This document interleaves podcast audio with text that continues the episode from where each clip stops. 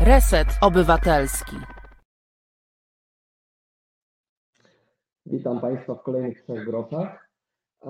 Dziś temat y, nietypowy, a będzie takich więcej, mogę Państwa zapewnić w nadchodzących tygodniach, e, bo będziemy rozmawiać o parkach narodowych, czyli temacie, który się z ekonomią nie do końca y, kojarzy w pierwszym y, podejściu, ale ma z nią bardzo dużo wspólnego, choć oczywiście ma też sporo wspólnego z zupełnie innymi e, e, rzeczami, o tych sobie pewnie też porozmawiamy. Dzisiaj, proszę Państwa, mm, naszym gościem będzie, będzie dyrektor Tatrzańskiego Parku Narodowego i będziemy z nim rozmawiać o parkach narodowych jako takich, jak i o o e, Taczańskim Parku Narodowym. Ja widzę, że już pytania odnośnie samego Taczańskiego Parku się pojawiają, więc e, niewątpliwie zadam pytanie, zobaczymy, jakie odpowiedzi na ten temat padną. E, ale najpierw porozmawiajmy sobie ogólnie o parkach narodowych. Te parki narodowe, mamy ich w Polsce 23 w tej chwili i zajmują one mniej więcej 1% powierzchni naszego kraju. Czy to dużo, czy mało, nie mnie oceniać. E, wydawać by się mogło, że, że, że dość mało. E, większość tych parków powstała po II wojnie światowej, e, parków założonych wcześniej, czyli w dwudziestoleciu międzywojennym mamy tylko dwa, Białowieski i Pieniński Park Narodowy. Białowieski Park Narodowy, będący niewątpliwie najbardziej znanym i, i, i, i, medialnym parkiem narodowym, również znajdujący się na liście Światowego Dziedzictwa UNESCO, E, wraz z Bieszczackim Parkiem Narodowym. E, czyli to są takie parki, które są najbardziej na świecie rozpoznane jako unikalne i, i, i nietypowe, ale, ale jeśli chodzi o rezerwaty biosfery UNESCO, to mamy ich więcej, bo i Babiogórski, i Tasztański Park Narodowy, i Kampinoski, e, Karkonoski, Słowiński, Poleski i Park Narodowy Bory Tucholskie. Czemu to jest ciekawy temat? No z wielu powodów. Po pierwsze, mm, taki powód, który mnie tutaj zainspirował, to jest jedna część jest taka, że parki narodowe w Polsce bardzo słabo mm, powstają. To znaczy ostatni park narodowy, który powstał, to był Park Narodowy Ujścia Warty. On powstał w 2001 roku, czyli 20 lat temu.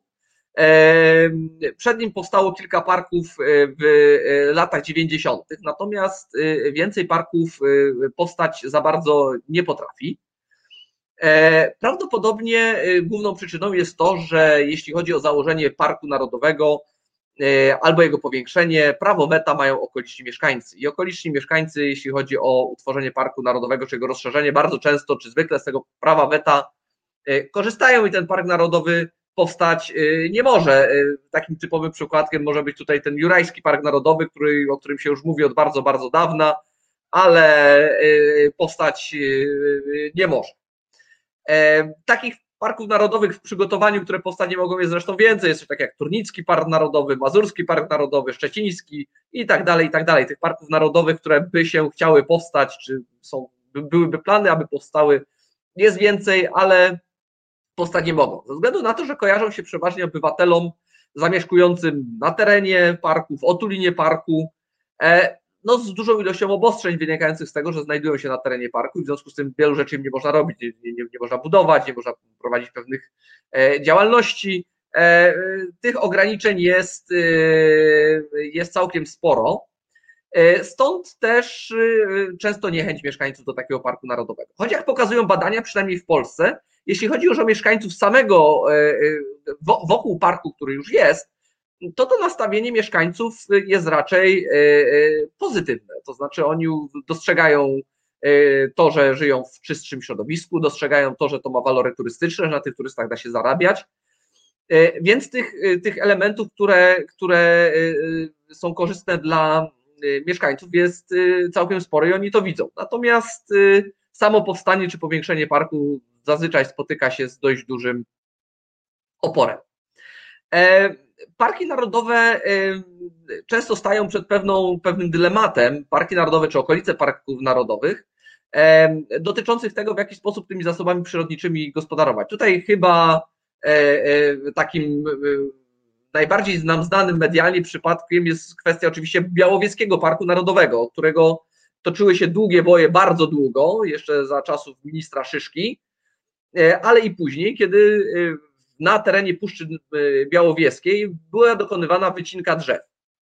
Jak pokazywali aktywiści, prawdopodobnie była prowadzona też ta wycinka na terenie samego parku, E, czy w rezerwatach. Co nie znaczy, że w parkach czy rezerwatach drzew się nie wycina, bo czasem się je wycina i są po temu powody, natomiast pytanie, czy tym powodem to jest rzeczywiście, nie wiem, trzymanie szlaku, czy tym powodem jest y, y, pozysk drewna. E, więc tutaj mamy y, no, no, spory dylemat. Natomiast jak się okazuje w badaniach znowu, te, te, te uzyski z danego terenu, jakie można pozyskać ze względu na wycinkę drewna, są nieporównywalnie mniejsze z korzyściami, jakie Park Narodowy sam z siebie przynosi ekonomicznymi. No, przeliczenia tutaj są różne i to w zależności od metodologii, natomiast wychodzi, że, e, że zyski z istnienia Parku Narodowego mogą przekraczać nawet trzydziestokrotnie zyski z e, no, wycinki czy pozyskania, e, pozyskania drewna na przykład. To są, to są korzyści związane z walorami rekreacyjnymi, czyli tym, co ludzie mogą robić w tym miejscu i, i, dzięki czemu, nie wiem, mogą poprawić swoje zdrowie, wypoczynek, obniżyć poziom stresu, ale też, jak już mówiliśmy, kwestie związane z tym, że można, e, e, można e, e, e no, wybudować w okolicy jakiś pensjonat, hotel, agroturystykę ekologiczną i tak dalej, w okolicy parku E, no to też jest opcja na to, żeby, e, żeby coś zarobić. E, parki narodowe jako takie spotykają się również z całą serią różnego rodzaju kontrowersji. Tych kontrowersji jest niemało. O kontrowersjach związanych z, z Białowieskim Parkiem Narodowym żeśmy już rozmawiali i, i, i z wycinką drewna tam. I no, podejrzeniami wielu organizacji ekologicznych, że, y, że ta wycinka na terenie parku nie ma nic wspólnego z, y, z ochroną środowiska. Co więcej, przy tej okazji pojawił się no, taki ruch, który mówi o tym, że całą Puszczę Białowieską trzeba objąć parkiem narodowym, no ale jak wiemy, tutaj pojawia się innego rodzaju problem, o którym mówiłem na początku, czyli potencjalna niechęć E, okolicznych e, mieszkańców. E, ale tych, tych kontrowersji jest więcej. W, w, pamiętamy ten wielki, te, te, te, tą wielką aferę, jeśli bym mógł poprosić zdjęcie numer dwa.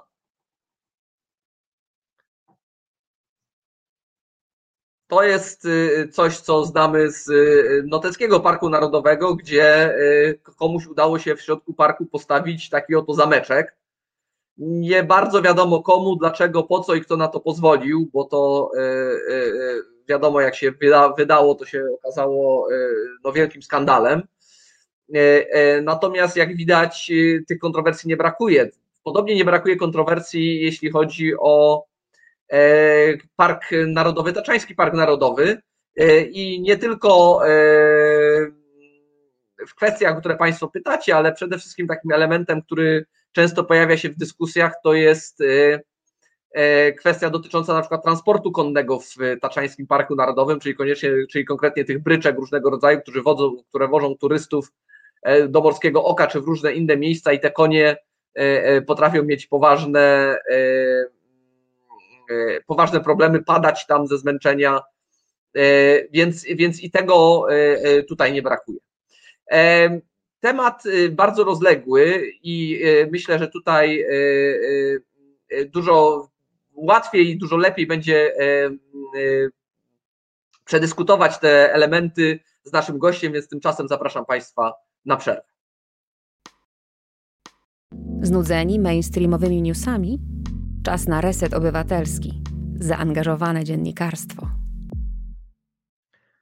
Witam po przerwie. E, tak jak zapowiadałem, naszym gościem jest pan Szymon Ziobrowski, dyrektor Taczańskiego Parku Narodowego i mam nadzieję, że pojawi się obok mnie. O, pojawił się. Udało się. Dzień, Dzień dobry. dobry. Dzień dobry. Zacznę takiego pytania z, z, z wysokiego C. Po co nam właściwie parki narodowe? No to jest dobre pytanie. I myślę, że ta odpowiedź na to pytanie jest różna w zależności od kraju, w którym żyjemy, i ona, y, ta odpowiedź bardzo ewoluowała. Amerykanie mają takie podejście, że parki narodowe są po pierwsze dla ochrony przyrody, to jest dość oczywiste, ale też po to, żeby służyć przyszłym pokoleniom, żeby, żeby te po, przyszłe pokolenia mogły tych parków doświadczać, ale też są po to, żeby te obecne pokolenia mogły ich doświadczać i jak to się mówi dość kolokwialnie, ładować baterie w tych parkach.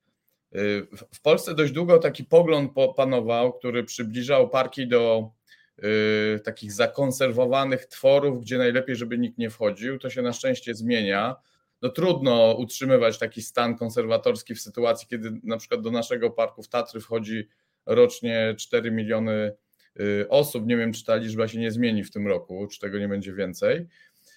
Więc w Polsce to też ewoluuje, na świecie też już dawno wyewoluowało. Ja pamiętam takie, taką konferencję, gdzie Skandynawowie mówili, no wreszcie doszliśmy do tego, że to nie konserwatorska ochrona, ale to musi służyć ludziom, bo inaczej to to wszystko nie ma sensu. W, w sytuacji, kiedy y, parametry ekonomiczne kraju y, są trudne, w sensie gospodarka nie wydala, no ktoś musi te parki utrzymywać i bez takiego społecznego supportu no nikt nie będzie chciał tych parków wydawać na te parki pieniądze.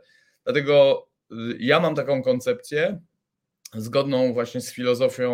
Y, y, ja mam taką koncepcję, że właśnie parki są dla ochrony przyrody i dla ludzi. Oczywiście trzeba bardzo dobrze balansować tymi dwiema wartościami, żeby tutaj przede wszystkim zwierząt w żaden sposób tego dobrostanu nie uszczuplić. I to nie jest łatwe, zwłaszcza właśnie w Tatrach, kiedy tak wielu turystów nas odwiedza i sieć szlaków jest dość gęsta, ale myślę, że udaje nam się to robić i y, na wielu konferencjach jesteśmy dawani jako przykład tak dobrego zarządzania i balansowania, ponieważ no w Tatrach możemy spotkać y, trzy główne drapieżniki, czyli rysia, wilka i niedźwiedzia i żyją też tam ofiary tych zwierząt, w związku z czym możemy utrzymywać balans. Y, nie, nie mamy między innymi za dużo jeleniowatych, co na przykład dzieje się w Stanach. W sytuacji, kiedy tych jeleniowatych jest za dużo, one za dużo jedzą w cudzysłowie zieleniny, co, co, co negatywnie wpływa na określone ekosystemy, więc muszą wykonywać odstrzały redukcyjne. No my tego na szczęście robić nie musimy.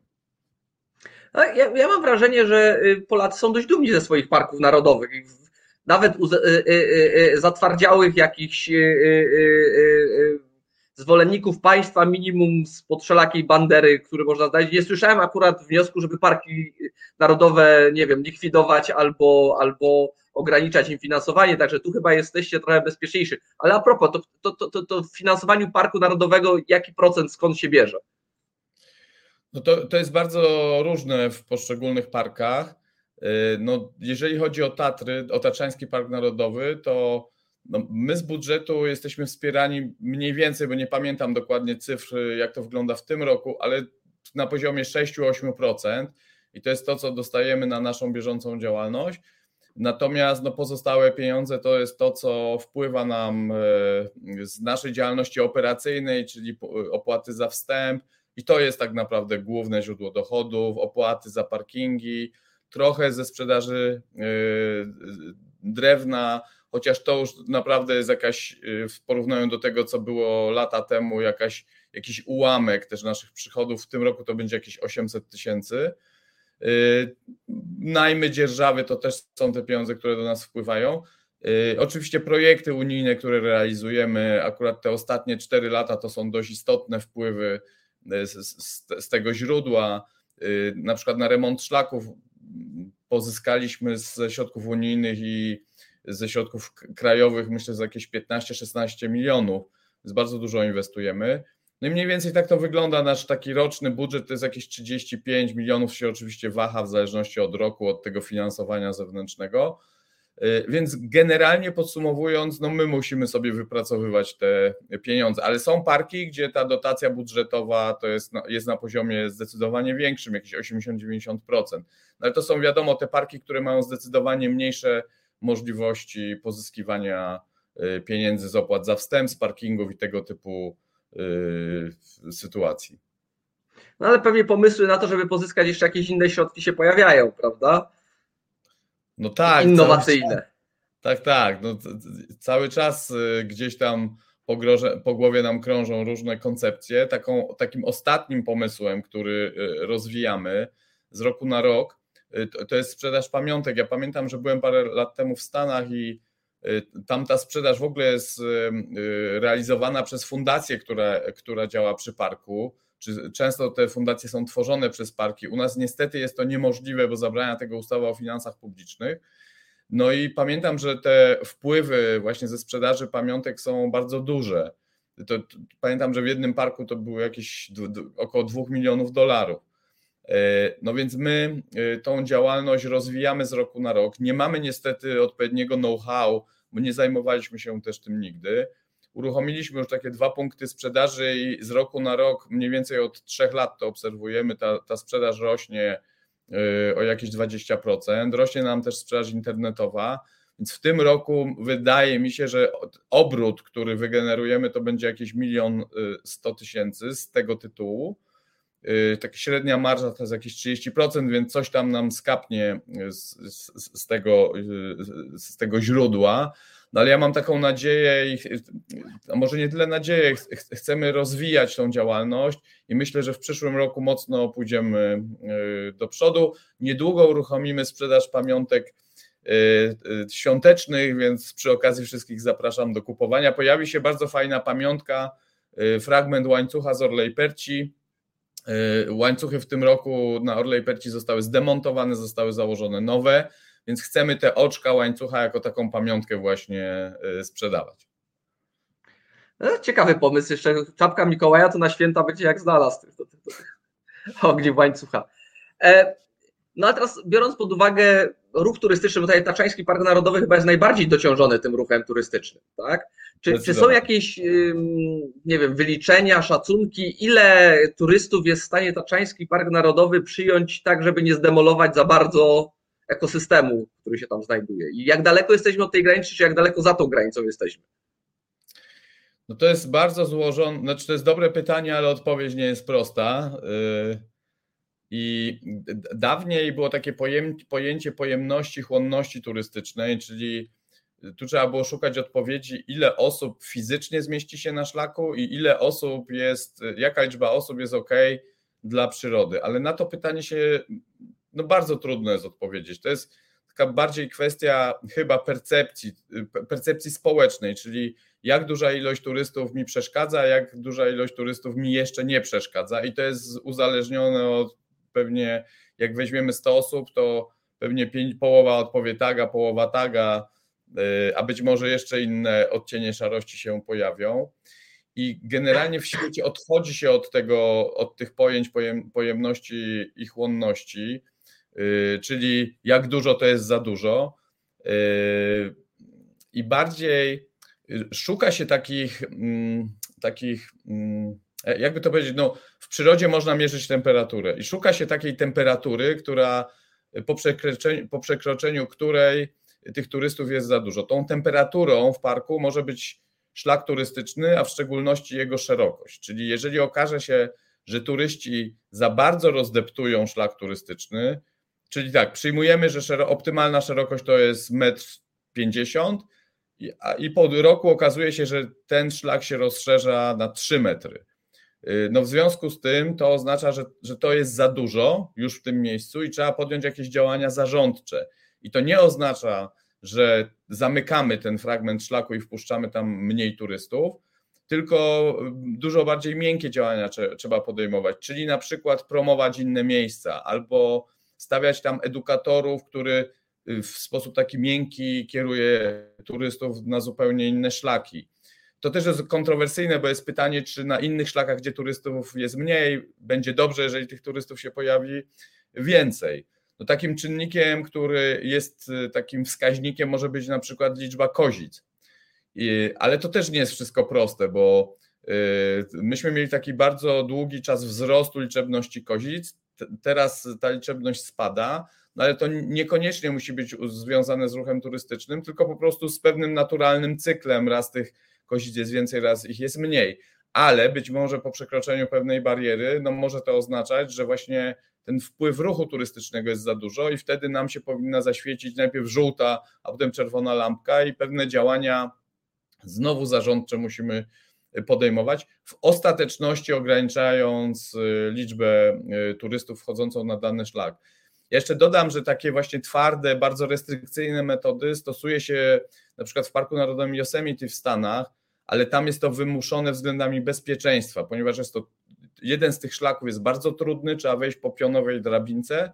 No stąd, żeby uniknąć e, wypadków, zdecydowali, że po prostu na ten szlak w danej godzinie może wyjść bardzo określona liczba turystów, ale to, tak jak mówię, są względy bezpieczeństwa. W pozostałym zakresie, czyli kiedy mamy do czynienia z aspekty społeczne, przyrodnicze, to jest bardzo trudno y, tym układem zarządzać, bo on jest bardzo nieoczywisty. Ale tak z ciekawości, y, y, no bo przechodzimy przez pandemię i zastanawiam się, czy to był, jaki był efekt tej pandemii na, na ruch turystyczny w parku, to znaczy, czy to było tak, że opustoszało i przyroda odetchnęła i kozice się rozmnożyły, czy to było raczej tak, że ludzie uciekli do tego, do tego parku i było jeszcze więcej niż normalnie? Y, żeby zwierzęta odetchnęły, to było zdecydowanie za krótko, aczkolwiek zbieraliśmy odchody, żeby badać y, poziom stresu. To jakie będą wyniki, to się dopiero okaże mniej więcej za rok, bo, bo te badania są dość długie, czekamy w kolejce, żeby to przeanalizować i też musimy porównać sytuację, y, która była wtedy, kiedy Tatry były zamknięte, a do tej, kiedy Tatry są otwarte. Zresztą to takie totalne zamknięcie Tatr nie trwało długo, to było jakieś cztery tygodnie, y, z tego co pamiętam, ponieważ na początku pandemii y, społeczność lokalna mogła w te Tatry wchodzić. Natomiast no, kłopot polega na tym, że w tym roku przeżywa, przeżywaliśmy potworne oblężenie i takiej liczby turystów jeszcze nie odnotowaliśmy w historii Tatrzańskiego Parku Narodowego, a na pewno w historii, kiedy ci turyści są liczeni. Y, no i rekordowy był czerwiec, lipiec y, i sierpień. Y, no i to było prawdopodobnie związane z tym, no, że rzadziej wyjeżdżaliśmy za granicę. Były duże trudności z tym, żeby wyjechać na Słowację, no bo trzeba było mieć potwierdzenie szczepienia. No więc przeżywaliśmy naprawdę potworne odblężenie, więc pandemia wpływa na Tatry w taki sposób, że turystów jest dużo. Nie chcę powiedzieć za dużo, bo to wszystko się, bo, bo, tak jak mówiłem, to są zbyt złożone układy i być może się okaże, że jeżeli ta dynamika będzie się utrzymywać i w przyszłym roku również będzie to tak duża liczba, a być może większa, no to na pewno zaświeci nam się już taka różowa albo żółta lampka, żeby zacząć to obserwować, bo yy, no, no te 4 miliony i więcej, no to już jest taka liczba, kiedy naprawdę y, zaczyna być na szlakach bardzo tłoczno i nie tylko na tych obleganych, y, Morskie Oko, Kościeliska, y, Kasprowy Wierch, ale również na tych rzadziej obleganych, co na pewno powoduje, że jakaś do tej interakcji człowiek, choćby kozica, dochodzi częściej i być może ten poziom stresu jest większy, a stres szkodzi ludziom i zwierzętom, więc może to na przykład powodować, że te zwierzęta są bardziej podatne na y, choroby. Będziemy obserwować. A idąc tym, tym kierunkiem, inny temat, który jest bardzo gorący oprócz pandemii ostatnimi czasy, y, y, to jest kwestia ocieplenia klimatu. Czy, czy widać wpływ tego ocieplenia klimatów na, na Tatry już, czy jeszcze nie? no to nie są takie zjawiska, które nagle się pojawiają i, i znikają. Na, na, pewno to, co obserwujemy, to są, e, chociaż też to trudno powiedzieć, że to jest konsekwencja zmian klimatu, e, bo chciałem powiedzieć o tym, no, że w 2013 roku mieliśmy no, bardzo silny wiatr halny, który po, powalił e, wiele tysięcy metrów sześciennych drzewa, e, drzew. No ale w 68 było to samo. W, w roku 2000 bodajże trzecim chyba na Słowacji było to samo. Więc no trudno powiedzieć, czy to, czy to jest ta sytuacja. To, co na pewno obserwujemy, to jest dużo intensywniejsza gradacja kornika w porównaniu do tego, co było kiedyś. Czyli ten kornik zasiedlał dość szybko Y, zdecydowanie większą liczbę drzew niż w latach poprzednich, ale tu znowu nie wiadomo, czy to nie była konsekwencja tego wiatru halnego, który osłabił drzewostany w Tatrach. Natomiast to, co obserwujemy i co być może jest ciekawe, to to, że y, obserwujemy, że coraz, że, że stan populacji niedźwiedzia jest, ma się dość dobrze. Wcześniej mówiłem o tym, że rosła liczba kozic, co wydawało nam się było związane z tym, że zimy były łagodniejsze, ale wracając do niedźwiedzia, y, coraz więcej niedźwiedzi pojawia się na tym przedpolu Tatr i wchodzi do Zakopanego. To może oznaczać, że ja tu użyję dużego skrótu myślowego, niekoniecznie mieszczą się w Tatrach y, i samice, które y, czują się zdecydowanie bezpieczniej bliżej osad ludzkich, ponieważ zwłaszcza w sezonie, y, wtedy, kiedy jest ruja, kiedy samiec chce je zapłodnić, a kiedy chce to zrobić, bardzo często dochodzi do takiej sytuacji, że zabija młode. No i, i, i wtedy ty, tych samic pojawia się sporo na przedpolu Tatr, jest ich zdecydowanie więcej niż w latach poprzednich. Zresztą ja teraz obserwuję, co robi y, mój zastępca Filip, y, który odpowiada między innymi za niedźwiedzie. No on praktycznie wrzesień, październik i jeszcze w listopadzie próbuje założyć obroże telemetryczną kolejnym y, osobnikom i tego ja już przestałem je liczyć, ile tych obróż za, założył w tym roku. To, to będzie 6, 7 albo i 8. No i zakłada je tym y, osobnikom, które po prostu pojawiają się dość częściej y, w Zakopanym, a to nie działo się, to, to nie działo się, znaczy intensywność tego zjawiska nie była taka w latach poprzednich. Więc można domniemywać, że klimat jest łagodniejszy, w związku z czym bardziej sprzyja niedźwiedziom, które mają większą bazę pokarmową. Y, no i być może właśnie ten gatunek ma się z tego powodu lepiej. To samo może dotyczyć i świstaków, i tak jak mówiłem wcześniej, kozic, chociaż tutaj znowu nam ta liczba spada. Więc różne czynniki to. Znaczy, mo, może tak, od, trudno odpowiedzieć jednoznacznie na to pytanie, bo zmiana klimatu to też takie duża turbulencja zjawisk, więc takie silne nawalne deszcze, silne opady śniegu, które nagle pojawiają się w kwietniu.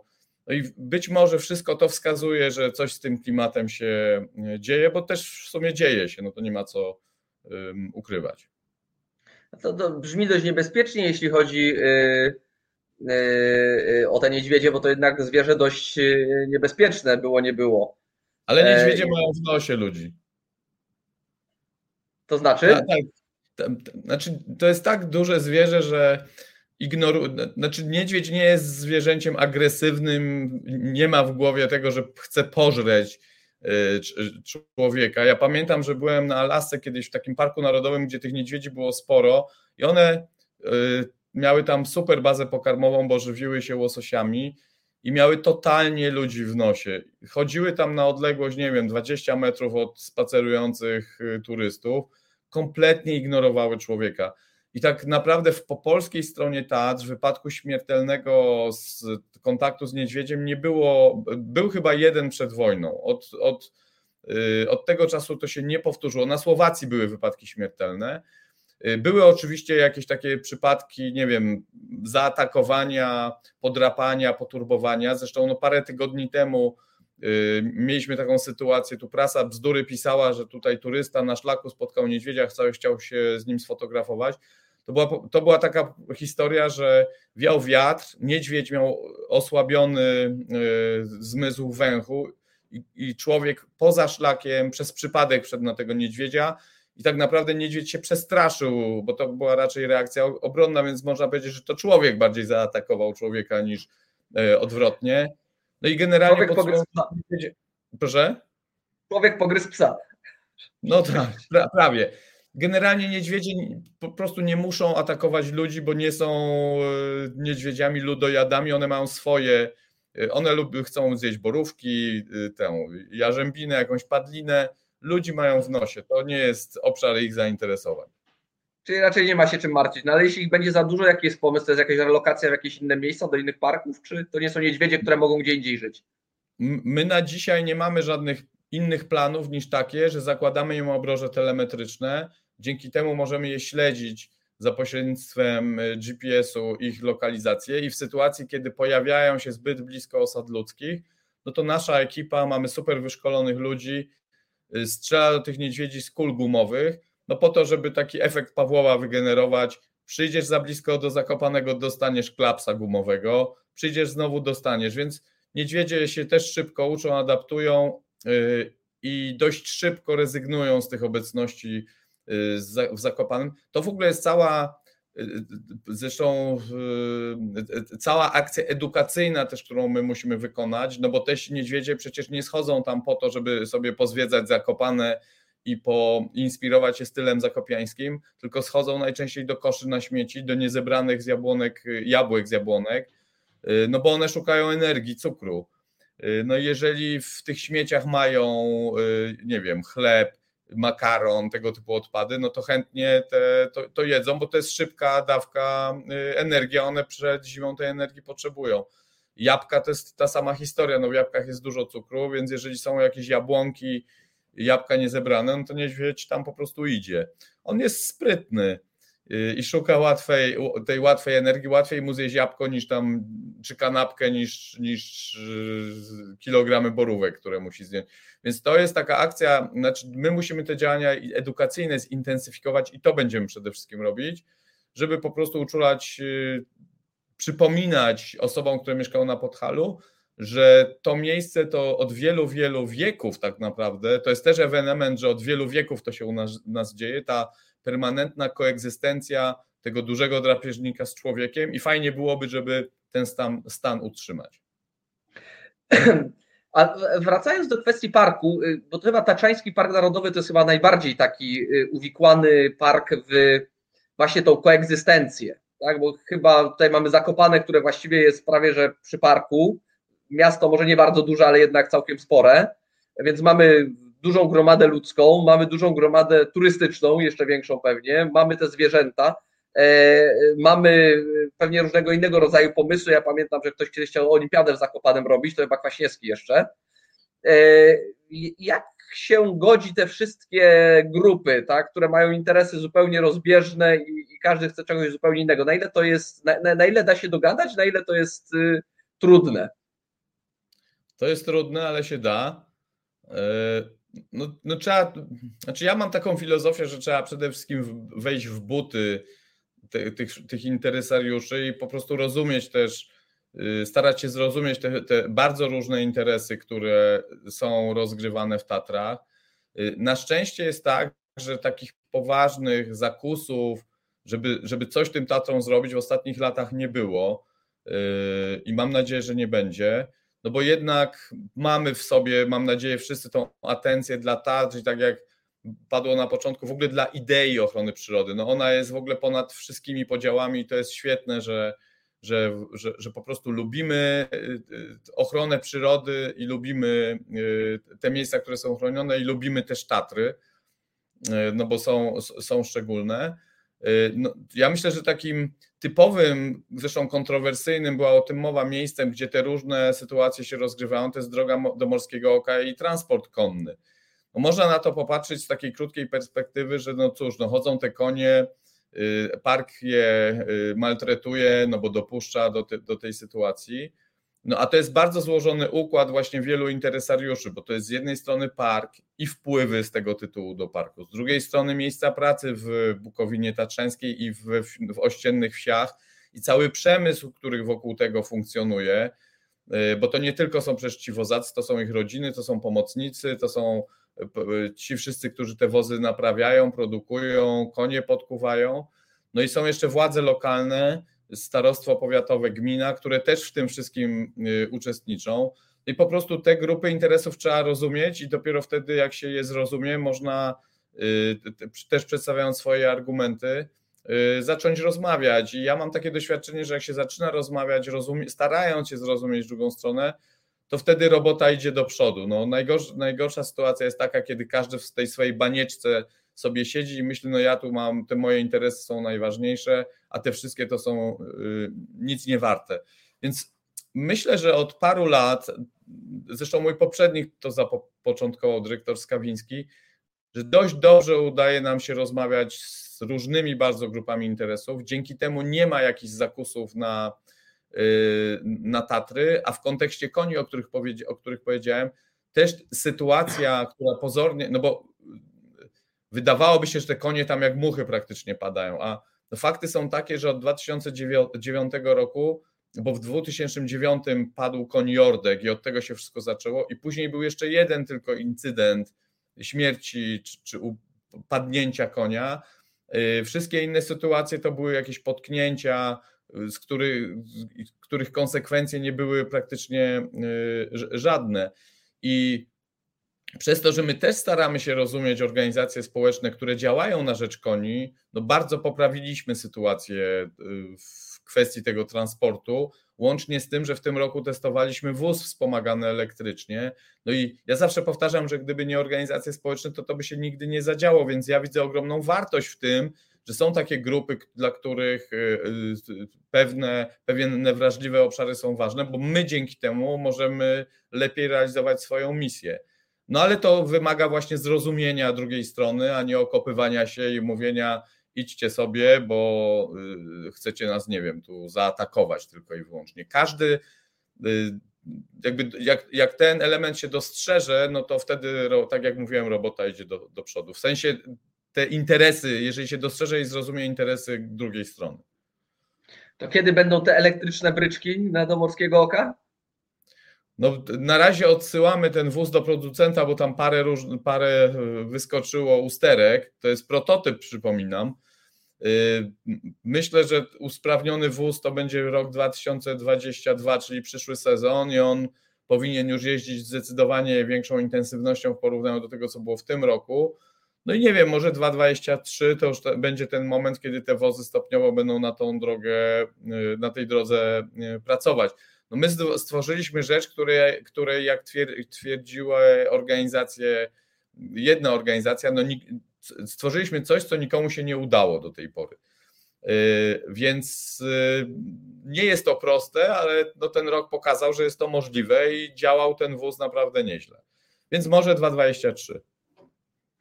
Jeszcze z trudnych pytań tutaj y, padło pytanie od naszych słuchaczy, pewnie o rzeczy, które ja nie mam pojęcia, ale pan zapewne ma. I to było pytanie o pewnej budowie w parku i próbuję znaleźć, gdzie ona była. Na wylocie już znajduję.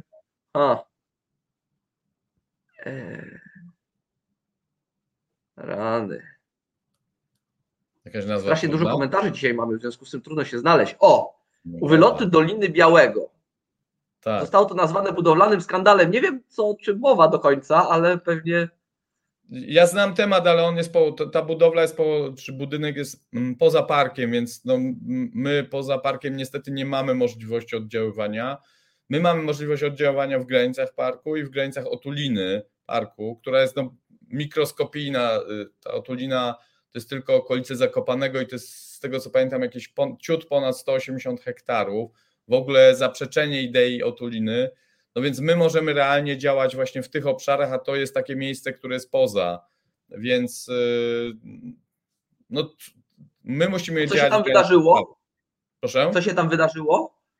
No, w, w miejscu małego budynku y, czy mniejszego budynku powstaje większy, ale ja tylko powiem tyle, że to wszystko jest zgodnie z, prawą, z prawem. Po prostu tak został przygotowany plan zagospodarowania przestrzennego, który na tą inwestycję pozwala, więc więc no, w sytuacji, kiedy prawo miejscowe mówi, możesz budować tak i tak, no to trudno się dziwić inwestorowi, że, nie, że, że buduje tak, jak może, czerpiąc z tego metra kwadratowego jak najwięcej. No to w ogóle jest taki problem planowania przestrzennego, nie wiem czy w innej części Polski, ale na pewno na Podhalu, że rysuje się takie jednowymiarowe czy dwuwymiarowe plansze, różnokolorowe. Jedna jest czerwona, druga zielona, trzecia żółta.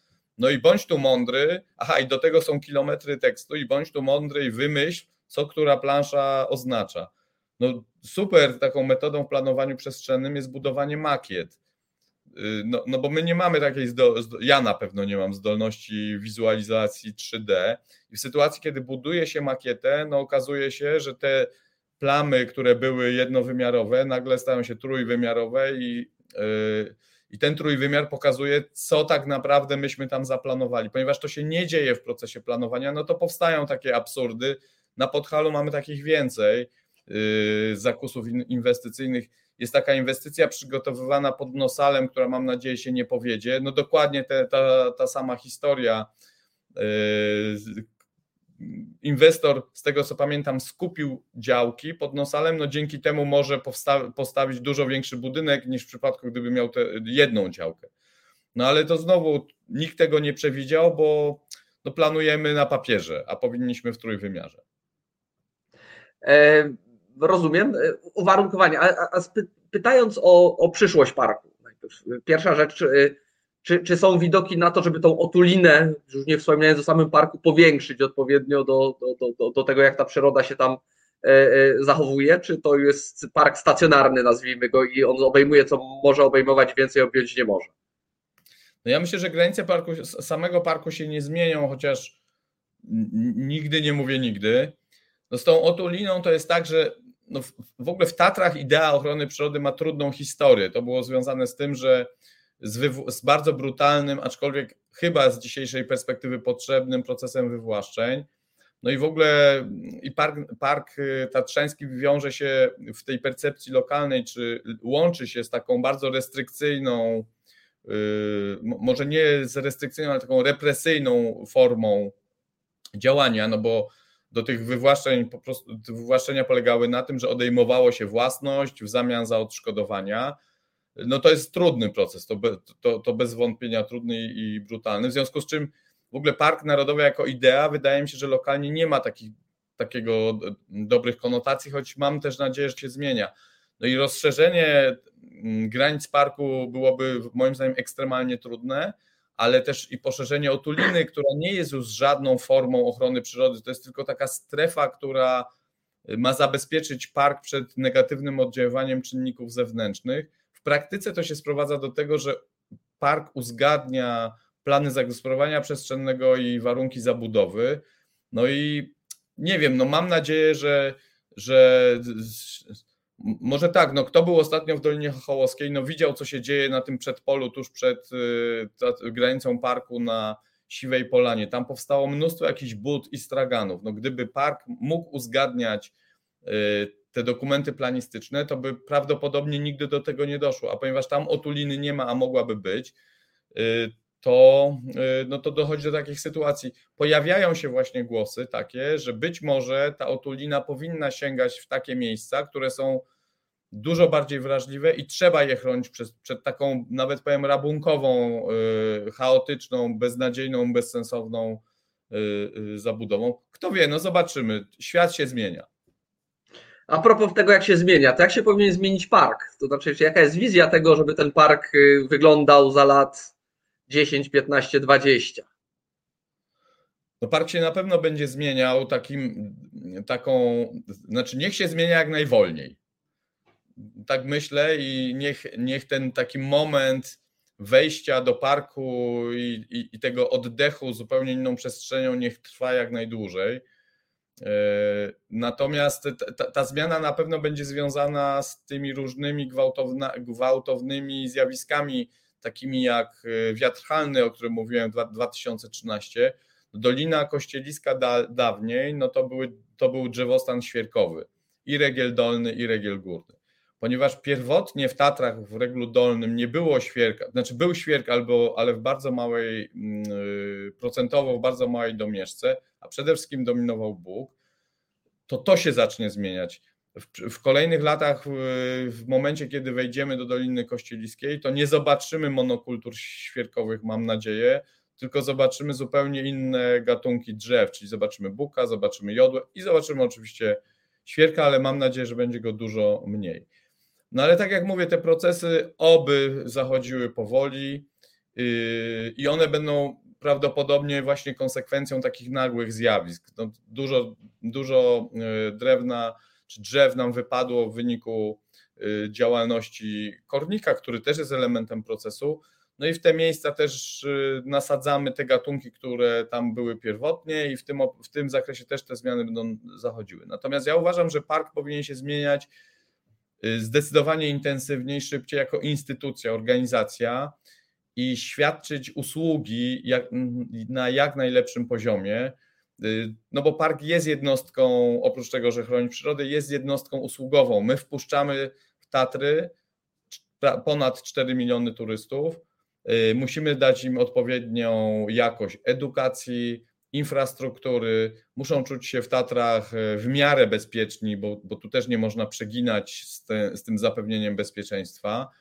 E, nie zrobimy nigdy, e, nie wiem, podestów na Orle i Perci, żeby było w 90% bezpiecznie. I ta usługa, strona internetowa, aplikacja, bezpieczeństwo, o którym mówiłem, szlaki wygodne, tablice informacyjne, jakby w tym obszarze park się musi zmieniać i dawać jak najlepszą, jak najlepszą jakość tej usługi. I to się bardzo zmieniło w ostatnich latach. Yy, I, I, jakby ta transformacja, my musimy cały czas jakby w tym obszarze się zmieniać. Mówiłem o tych pamiątkach, właśnie da, dawać też turystom yy, możliwość wyboru między tym, co chińskie i byle jakie, między tym, co dobre jakościowo i właśnie związane z Tatrami. Yy, więc Instytucjonalnie zmieniamy się szybko, natomiast to, co jest najważniejsze dla parku, czyli ta ochrona przyrody, tu ta dynamika będzie zdecydowanie, zdecydowanie mniejsza, ale też niech będzie, bo to się po prostu musi y, dziać. No to jest coś, co niewątpliwie dobrze usłyszeć, bo pewnie mało kto by chciał, żeby e, sama przyroda zmieniała się jakoś drastycznie, choć rzeczywiście zmiany klimatu mogą nam tutaj trochę zrobić problemów. Ta gradacja kornika, o której żeśmy dużo słyszeli, dowiedzieli się, to jest gradacja kornika przy okazji Białowieży, to jakby zupełnie inna para kaloszy, ale to może wynikać z tego, że świerki są za słabe, bo jest za ciepło, prawda? Zresztą to samo było w Beskidach widać. Tak, no jest za ciepło, po prostu kornik ma dużo bardziej, dużo, dużo większe możliwości rozmnażania się, no bo w momencie jak przychodzi mróz, no to wiadomo, no kto lubi mróz kornik nie może ubrać sweterka i tam się gdzieś za, zaszyć, więc im jest cieplej, tym on może wypuścić zdecydowanie, znaczy może się rozmnożyć odpowiednią, znaczy więcej razy, o może tak. E, myślę, że e, e, temat bardzo ciekawy, dla mnie dość nowy, więc bardzo dziękuję za wprowadzenie w ten temat. E, czas niestety nasz już na dzisiaj się kończy. Bardzo dziękuję za rozmowę. Również bardzo dziękuję. A Państwa zapraszam na trzy grosze już za tydzień. Dziękuję bardzo. Dobranoc.